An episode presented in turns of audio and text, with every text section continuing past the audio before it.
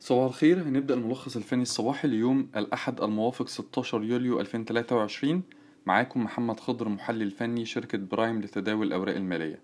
مؤشر EGX 30 كان من الضروري إن هو يكسر ال 17300 عشان نتأكد من قوة آه، الاتجاه العرضي على المدى القصير.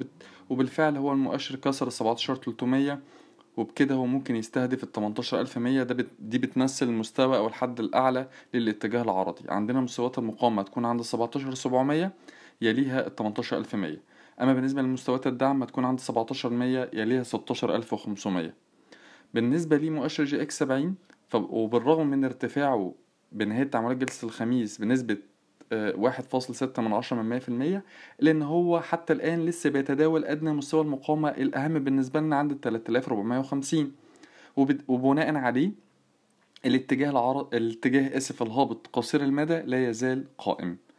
بالنسبة لي ملاحظات التداول النهاردة أول حاجة عندنا آه القلعة الاستشارات المالية اللي نظرتنا عليها إيجابية طول ما هي بتتحرك فوق مستوى الدعم عند الاتنين جنيه تلاتين وإحنا بنميل لانتهاء موجة الانخفاض أو موجة التصحيح اللي بدأت من التلاتة سبعة حوالين منطقة الاتنين خمسة وأربعين إلى الاتنين خمسة وتلاتين. حطيناها في تقريرنا الفني اليومي تيك توك مع توصية بالشراء توصية مدى قصير. منطقة الدخول المقترحة هتبقى بدءا من الاتنين خمسة وأربعين وصولا إلى الاتنين خمسة وتلاتين. المستهدف الأولي هيكون عند الاتنين خمسة وسبعين يليه هيكون التلاتة جنيه سبعة.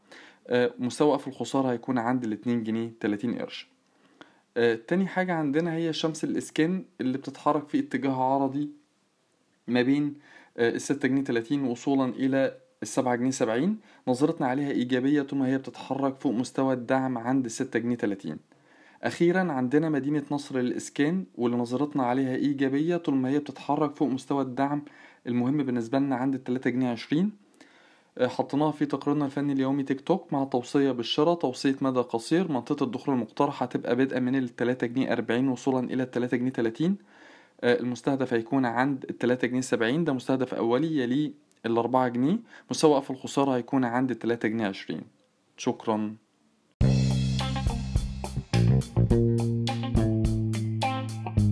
يرجى العلم أن هذا العرض هو لأغراض معرفية فقط ولا يمكن اعتباره عرض أو توصية شراء أو بيع أو إدارة استثمارات أو خدمات استشارية. ينصح باستشارة مستشارك المالي قبل اتخاذ أي قرار استثماري علما بأن الأداء التاريخي ليس مؤشرا يعتمد عليه لتحديد الأداء في المستقبل.